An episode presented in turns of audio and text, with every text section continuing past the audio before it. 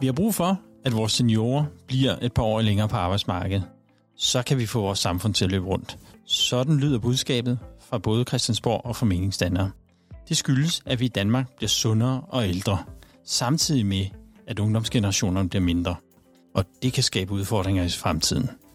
Vi har behov for mere viden om, hvordan vi kan fastholde vores seniorer, og her er spørgsmålet, om et bedre arbejdsmiljø kan være en del af løsningen.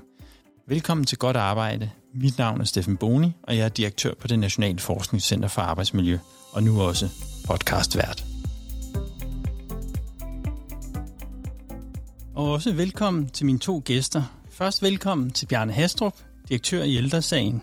Jamen, jeg takker mange gange, fordi jeg øh, måtte komme her. Jeg synes, det er en af de allervigtigste opgaver for os i de næste øh, 10-15 år. Og velkommen til professor ved det Nationale Forskningscenter for Arbejdsmiljø, Lars Andersen. Udover din forskning i fysisk arbejdsmiljø, leder du også forskningsprojektet Senior Arbejdsliv, hvor I blandt andet undersøger, hvordan vi kan give flere seniorer lyst til at blive på arbejdsmarkedet, men også hvilke faktorer, der skubber seniorerne ud af arbejdsmarkedet. Tak skal du have. Det er jo et utroligt vigtigt emne, eftersom vi skal arbejde længere og længere. Folkepensionsalderen stiger som konsekvens af den stigende middellevetid. Så det er utrolig vigtigt at finde ud af, hvordan kan vi sikre, at folk faktisk har lyst til at arbejde til en høj alder, og de ikke kun arbejder til en høj alder, fordi de skal gøre det. Det kommer vi til at snakke meget mere om. Velkommen til jer begge to. Jeg hedder Jan Stål. Jeg er tømmermester, og jeg har været på arbejdsmarkedet siden 79. Jeg har planer om at trække mig tilbage, når jeg bliver 65, og håber helbredet kan holde til det. Men jeg har sat min økonomi efter, at jeg skulle være helt gældfri, når jeg er 65. Jeg vil nok ikke stoppe helt, fordi jeg tror, at hvis man først stopper, så kommer man helt i stå. Denne senior, I mødte her, hedder Jan Stål. I Danmark har vi en målsætning om, at endnu flere medarbejdere skal have lyst til at blive flere år på arbejdsmarkedet. Hvordan gør vi det? Er vejen frem økonomiske goder, eller skal vi i højere grad have fokus på et godt arbejdsmiljø? Lars, lad os starte med dig. Drejer fastholdelsen sig om økonomi, eller er der andre faktorer, der spiller en vigtig rolle?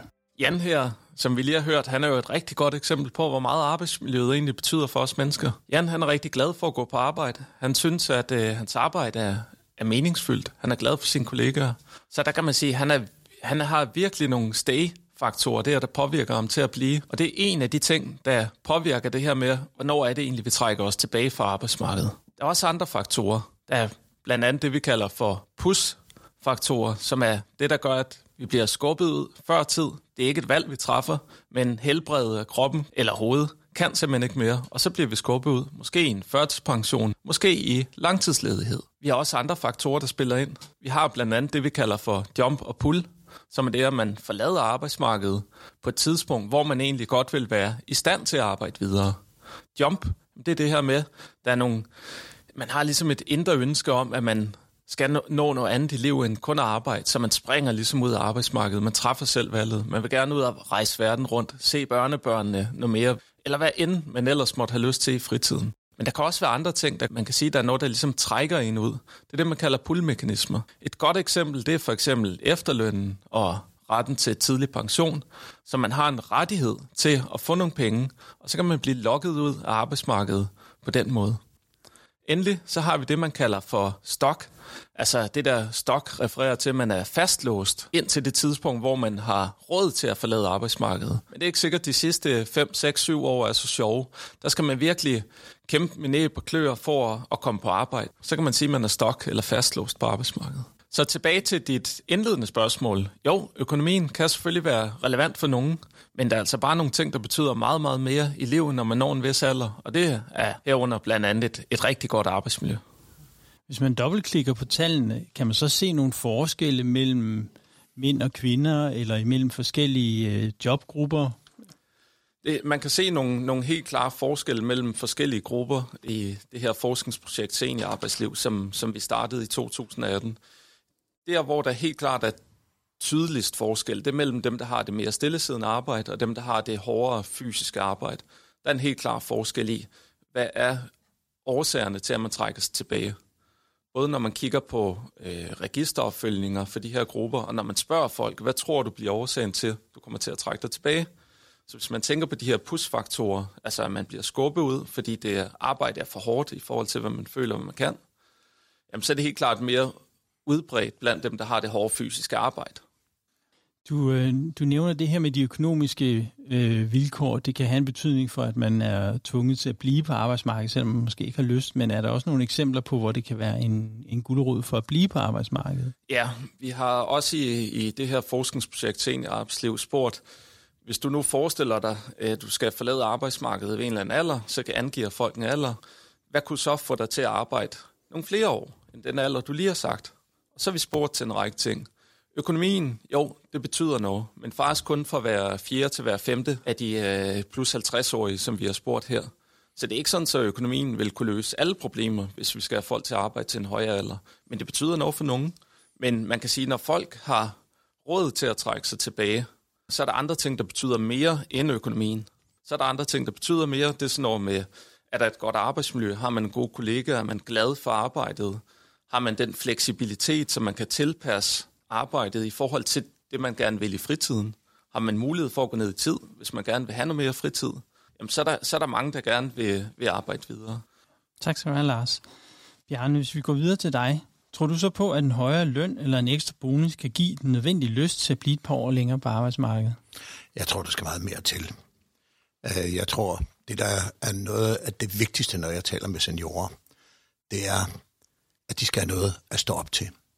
Det er så medmenneskeligt centralt for dem. Altså frygten for at blive isoleret, frygten for at miste sit netværk, sine kollegaer osv., det er noget af det, der kommer til at spille en meget øh, stærk rolle fremover. Og så vil jeg også sige det på den måde, at øh, øh, jeg synes, at arbejdsgiver og samfundet skulle egentlig vågne lidt op, fordi seniorer, de bliver fremover hovedleverandør af ny arbejdskraft til det danske folk. Forstå på den måde, der er ikke ret mange andre steder, hvor man kan trække på arbejdskraften, fordi man er lukket af, stort set lukket af, for øh, indvandring, og der er ikke rigtig øh, andre steder, hvor der er dynamik og tilførsel af ny arbejdskraft. Så hvis jeg var arbejdsgiver, så ville jeg øh, vælge mig de seniorer, jeg vil fastholde. Og det er måske et af de centrale problemer, der er. Altså hvis, hvis arbejdsgiveren dels går ned og spørger, øh, hvad skal der til, for at du vil blive? Øh, eller dels går ned og siger, øh, du skal øh, komme tilbage, for jeg har brug for dig. Der er brug for dig. Jeg har et eksempel med en øh, smedsvend øh, oppe i Aalborg, hvor mester ringede til ham og sagde, ved du hvad, du bliver nødt til at komme tilbage, for du er den eneste, der kan smide tulipaler ind i et øh, smedjernskitter op i Diana Lund. Og så kommer han, fordi han føler sig kaldet. Så der, altså fra øh, arbejdsgiverside, der skal man virkelig være energisk over for sin tilmeldte nærmelse af øh, seniorer. Et andet eksempel, som jeg tror, I kender her på instituttet, det er spørgsmål om BMW-fabrikkerne, der kunne se, at de kommer til at mangle seniorer. Og så går de ned og siger til dem, hvad siger til, at I får noget med i løn? Vi så bliver sige, nej, vi er ude at fiske. Og så går de ned og siger, jamen så kan I få endnu mere i løn. Så nej, vi vil stadigvæk ud at fiske, vi vil have fritid, vi har fået nok. Og så er der en ung ingeniør, der går ned og spørger dem om, hvad skal der til, for I vil blive? Og det er mit helt centrale råd til arbejdsgiver. Gå ned og spørg, hvad skal der til, for I vil blive? Så var det arbejdsmiljøet. Det er arbejdsmiljøet, det er spørgsmål om noget lettere værktøj. Det er spørgsmål om at få en pause øh, hver anden time, øh, og en række andre øh, fordele. Og så vil jeg sige, at noget af det, som er, er skæmmende, det er, at øh, man ikke har forstået at få seniorerne tilbage på arbejdsmarkedet igen, når de enten bliver syge, eller øh, og skal ud af arbejdsmarkedet, eller de bliver arbejdsløse. Men man er meget svært ved at få dem tilbage igen. Jeg kunne godt tænke mig at spørge lidt til, til det her. Dem, du eksemplificerer med her, det er dem, der er på kanten, øh, som stadigvæk er på arbejdsmarkedet. Ja. Er der også øh, et potentiale i dem, som egentlig er gået på pension, men finder ud af, at det var måske ikke den rigtige beslutning. Ja. De, de savner kollegafællesskabet, de savner det at så have stået op til noget. Kan man arbejde med en vej tilbage for dem? Ja, jeg synes, det er et rigtig godt spørgsmål, fordi vi kan se i vores fremtidsstudie, at øh, man går jo af fra arbejdsmarkedet, øh, dels fordi man har økonomien til det, eller øh, fordi helbredet ikke rigtig kan holde længere, eller fordi man har planlagt i god tid, at nu vil man beskæftige sig med noget andet. Så er der en del, der fortryder. Altså vi kan se, der er op mod øh, i vores nye fremtidsstudie, som jeg egentlig også vil introducere, der kan vi se, der er en del, der siger, hov, vi fortryder. Og dem, der fortryder, der kan vi se, der er en del, der gerne vil tilbage på arbejdsmarkedet. Så der findes altså en, en øh, arbejdskraftreserve der. Men det, der måske skræmmer mig allermest, det er, når man ser øh, de svar, som vi har fået i vores fremtidsstudie, så er der 20 procent, som siger, at de regner med at blive på arbejdsmarkedet øh, længere tid, end de ellers havde tænkt sig, fordi de er nødt til det. Og det vil sige, som du lige præcis fremhæver, der er nogen, der føler, at de er stokt på arbejdsmarkedet. Og det må man jo identificere og sige, hvad kan vi gøre for jer? Og så kan vi også se, at der er en stor gruppe, som siger til os, øh, at de nye, der er på vej ud på øh, pension, at de siger, at de dels vil godt gå lige lidt efter øh, pensionsalderen, som er 67 år. Og så er der nogen, der siger, vi vil bare blive så lang tid som overhovedet muligt. De to tal til sammen udgør 40 procent af den kommende generation. Så der ligger også en meget stor arbejdskraftstyrke. Hvis jeg skal prøve at opsummere her, så kan man sige, øh, at I begge to øh, nævner, at der skal meget mere til end blot at øh, stikke en økonomisk guldråd foran øh, den her målgruppe. De forskellige arbejdspladser skal tænke øh, og måske nærmere gentænke, hvad det er for nogle tilbud, de har til deres øh, seniorer, hvad det er for nogle... Øh, forstå, hvad det er for nogle ting, der driver dem. Øh, de skal forstå, hvad, hvad det er for nogle øh, forhold, både i arbejdsmiljøet, i forhold til fleksibilitet osv., som kan være med til at fastholde øh, øh, medarbejdere på arbejdsmarkedet, eller måske endda lokke dem tilbage på arbejdspladsen. Samlet set, så noget af det, der er det centrale i det her, det er ordet fastholdelse, og det har vi en case om, som vi gerne vil spille for jer. Ja, det er godt.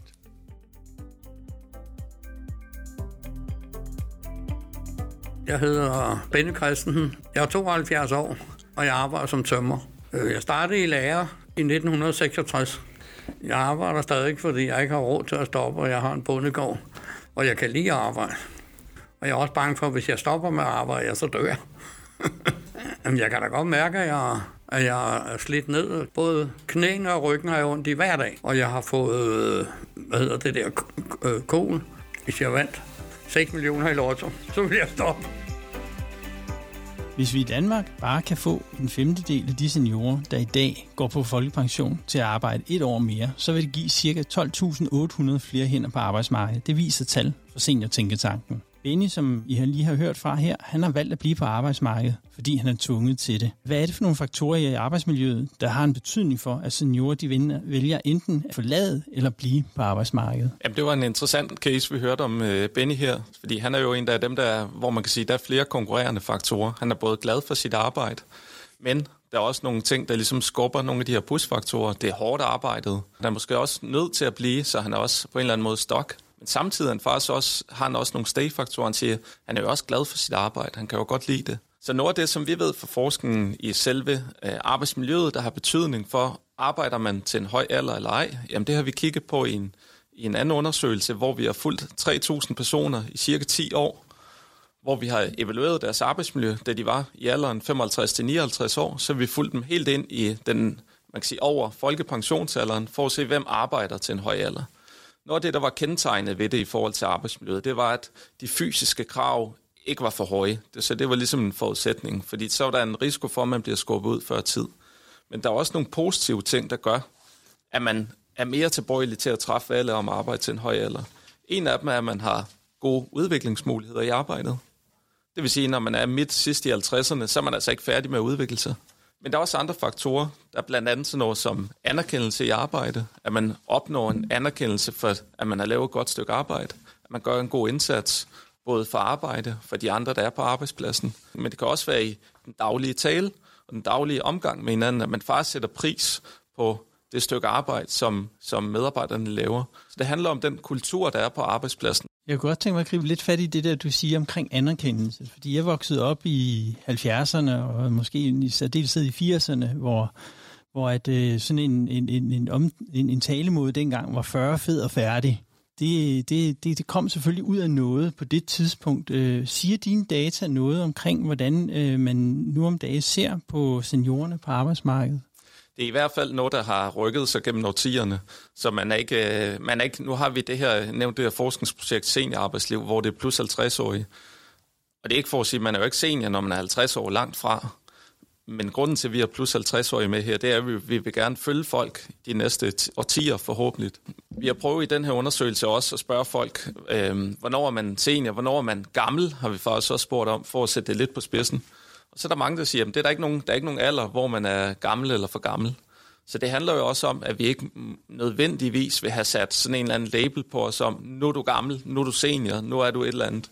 Der kunne man jo sige, en ting er, hvordan man opfatter sig selv, men, men hvordan ser, hvad med arbejdsgiveren? Er der nogle, nogle indikationer på, at de for eksempel synes, nu er man for gammel, så man vil investere i videre udvikling for den her medarbejder? Ja, det, det, det kan godt eksistere. I hvert fald, når man spørger øh, ledere og HR, som vi har gjort i den anden del af sin arbejdsliv, jamen så eksisterer der nogle fordomme.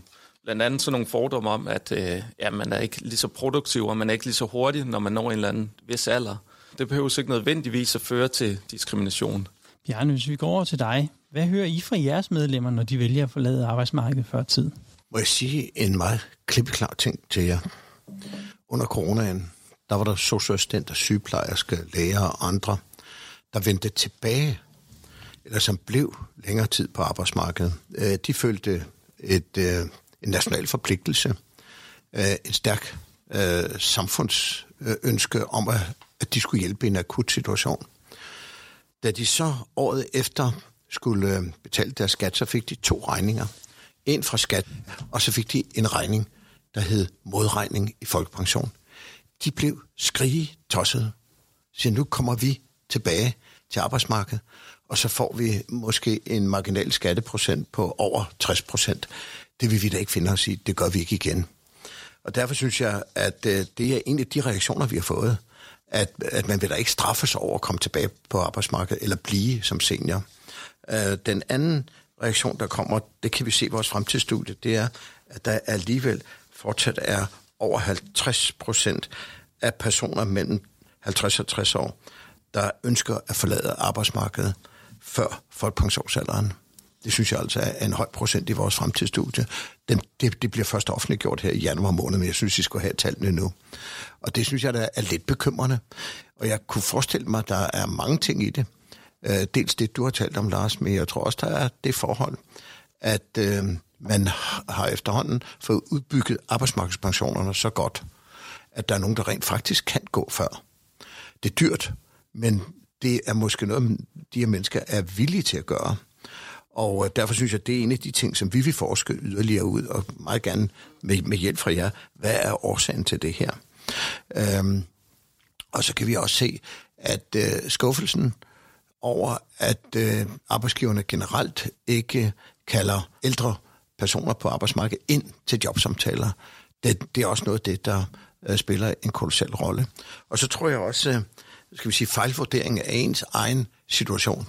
Altså i dag er det jo sådan, så vi bliver ældre og ældre. Der er faktisk ikke rigtig nogen, der vil dø mere.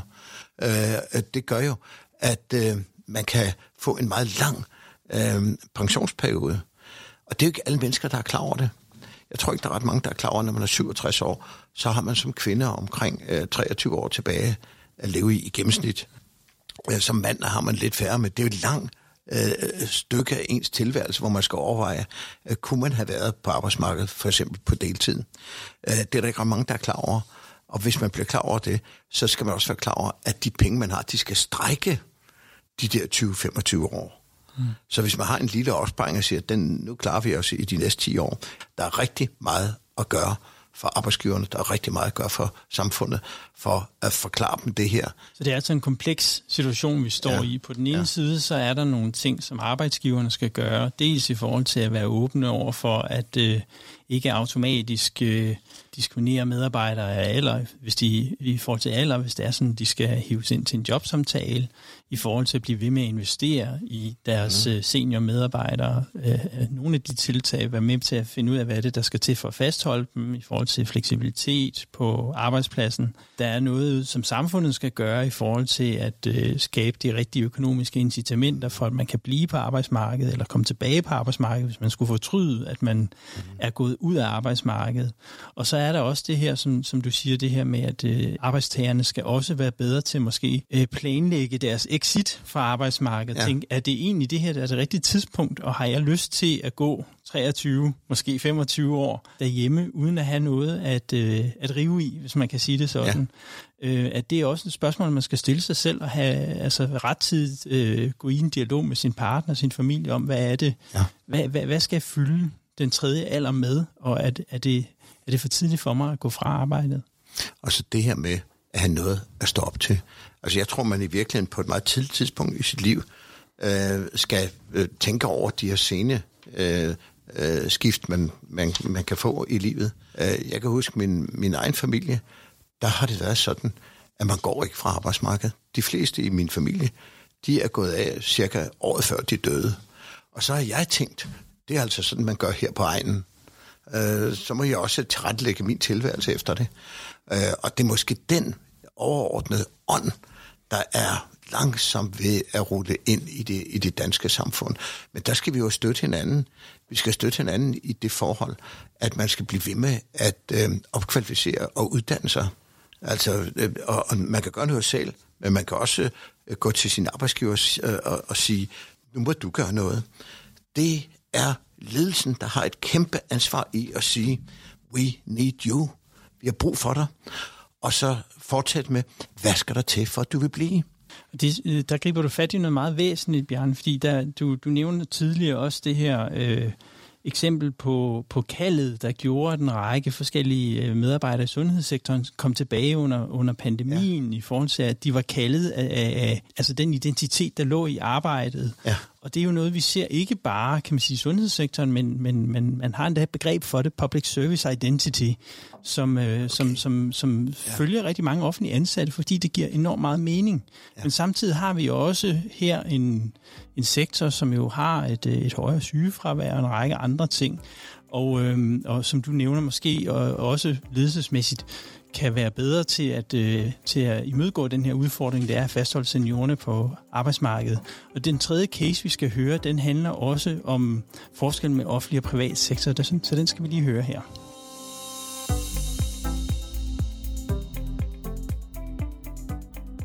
Jeg hedder Kirsten Dynes Møller.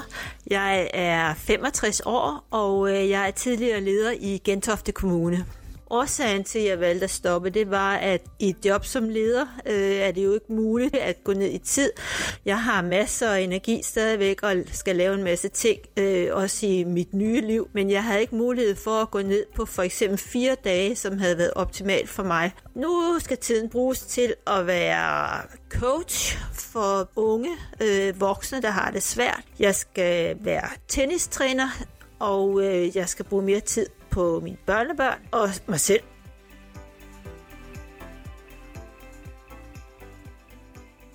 Befolkningens sundhed og levetid, den har forbedret sig markant i de seneste 30 år.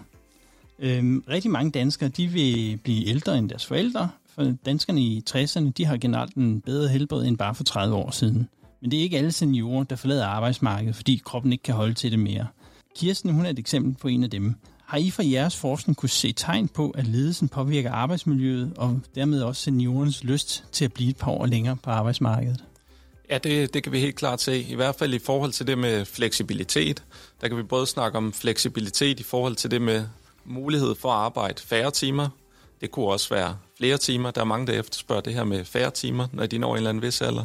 Men det kan også være fleksibilitet i forhold til, hvordan ligger de her timer i løbet af arbejdsdagen og arbejdsugen. Man har måske behov for at lægge nogle flere timer mandag tirsdag, nogle færre om fredagen, nogle færre om onsdagen, hvis man skal et eller andet med børnebørnene eller nogle andre ting i sin fritid. Man har måske behov for at lægge nogle timer, der hjemme frem for på arbejdspladsen. Og det kræver jo god ledelse at kunne det. Og det er ikke øh, at give helt slip som leder, det der med, at man siger til folk, ved du at du så, får så meget indflydelse på det, så du kan flex, som du vil. Og det kræver faktisk rigtig, rigtig god ledelse og turde give slip, øh, så man får opbygget en tillid mellem medarbejdere og ledere. Altså, øh, der, der findes jo mange forskellige typer jobs derude, og nogen er der en, kan man sige, høj grad af fleksibilitet indbygget i, hvor man måske godt lige kan flexe ud i et par timer og tage til tandlæge med, med barnebarnet eller noget andet og så øh, komme tilbage på arbejde igen. Andre steder er man organiseret i nogle, i nogle vagtskifter, hospitalsektoren som et eksempel, politi og andre steder. øh, men man kan også forestille sig nogle, nogle produktionsvirksomheder, hvor det er sådan. Er der nogle gode eksempler på nogle af de her øh, jobs, hvor, hvor der er de her, øh, skal vi sige, lidt mere faste øh, vagtskifter eller andet, hvor man alligevel har kunne finde plads til den her fleksibilitet? Der er i hvert fald nogle eksempler inden for øh, sundhedsområdet, hvor medarbejdere ligesom kan booke sig ind i nogle skemaer i løbet af ugen, hvornår passer det dem bedst at, at lægge deres timer. Det behøver jo ikke at koste noget for arbejdsgiveren. Tværtimod, hvis man stadigvæk lægger de arbejdstimer, man skal, men man flexer lidt med det. Som vores arbejdsliv er nu, der tilpasser vi jo i stor grad vores fritid i forhold til vores arbejde. Hvis vi prøver at vende den om og sige, kan vi bedre tilpasse vores arbejde i forhold til det, vi har behov i fritiden? Hvis vi stadigvæk lægger de arbejdstimer og den arbejdsmængde, vi skal, må det så ikke også, at det faktisk bliver et bedre stykke arbejde, fordi vi er mere motiveret, mere engageret i det, så vi i sidste ende leverer et bedre produkt til virksomheden. Har du i, i jeres forskning kunne se nogle forskelle på, på den oplevede fleksibilitet, som medarbejdere har i henholdsvis den offentlige og den private sektor? Ja, vi har kigget på arbejdsmiljøet i den offentlige og den private sektor for de, for de plus 50-årige her. Og der vi kigget på sådan nogle ting som ledelseskvalitet og andre ting. Ledelseskvaliteten er helt klart bedre i det private. Der er også andre ting. Oplevelsen af, at man bliver retfærdigt behandlet, det er også bedre i det private. Når man kigger på samarbejde mellem kollegaer, hvor godt samarbejder man, det er også bedre i det private. Så på en række områder ligger det private bedre end det offentlige. Så altså en række psykosociale arbejdsmiljøfaktorer, hvor at det private klarer sig bedre end ja. det offentlige. Bjarne, hvis, man, hvis, hvis vi ser på det, som forskningen her siger, er det så mm. noget, som, som du kan genkende i, i forhold til de medlemmer, du har, når de går på pension? I meget høj grad. Og der skal virkelig noget til for, at en offentlig leder tør kaste sig ud i at stramme sin ledelse op, således at medarbejderne føler, at der er klare forhold. At man kan forestille sig, at man siger til øh, folkepensionister, hvad er jeres store behov for fritid? Ja, vi vil godt have weekenden plus et par dage fri. Jamen, så laver vi en tre-dages uge for jer, eller en fire-dages uge. Det er man allerede begyndt på i kommunerne. Der er rent faktisk øh, fire-dages uger øh, i fuld gang rundt omkring, øh, samtidig med, at man selvfølgelig dækker sig ind hele ugen igennem, så man kan servicere øh, borgerne. Øh, det kunne man eksperimentere med, og så kunne man måske bruge lige præcis seniorer eller øh, øh, pensionister til at gå ind og, og, og, og dække nogle af hullerne op. Tak skal du have, Bjarne. Vi er ved at være nået til vejs ende med vores podcast, men lad os lige slutte af med at give lytterne nogle gode råd til, hvordan at vi kan øh, bruge arbejdsmiljøet som måde at fastholde seniorerne på arbejdsmarkedet. Bjarne, hvis du sådan skulle give tre, dine tre bedste råd til arbejdspladserne, hvad er det så for nogle arbejdsmiljøtiltag, de skulle sætte i gang, hvis de skal fastholde seniorer på arbejdsmarkedet? De skal starte med at spørge medarbejderne, hvad skal der til for, at I vil blive? Og så vil de opdage det arbejdsmiljø, arbejdsklima, der ligger helt i top. Dernæst så skal de acceptere at give lige så gode uddannelses- og opkvalificeringsmuligheder for seniorer som andre. Og så skal de sikre, at øh, de har det optimale arbejdsmiljø, sådan så man ikke slider på medarbejderne, for slidte medarbejdere, de går meget tidligt. Så det er nogle af de gode råd, jeg har direkte derud til. Og øh, så for seniorerne, der synes jeg, I skal lukke munden op og sige i god tid, øh, jeg vil blive.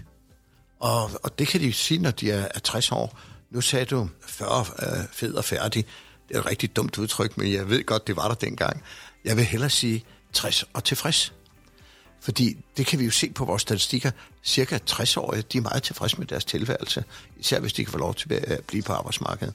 Og så frem for alt, gå ikke ned i aftrædelsesfælden. Lad være med at svare på det spørgsmål, hvornår går du? Ah, ah. Fordi når du kommer frem til tidspunktet, så kan du risikere, at du har helt andre opfattelser. Jeg kan give jer det råd, at jeg selv, når nogen spørger mig om, hvornår jeg går, så siger jeg, at jeg går året før jeg dør. Så bliver du fri for at komme ned i aftrædelsesfælden, og så kan du stå meget mere frit over for dine arbejdsgiver. Lars, du skal også have mulighed for at komme med dine bud på de tre bedste arbejdsmiljøtiltag, hvis vi skal fastholde seniorerne. Jamen, jeg er helt enig med Bjarne i, at vi er nødt til at snakke, at man er nødt til at snakke sammen ude på arbejdspladserne. Finde ud af, hvad skal der til for dig, hvis du skulle blive her længere hos os.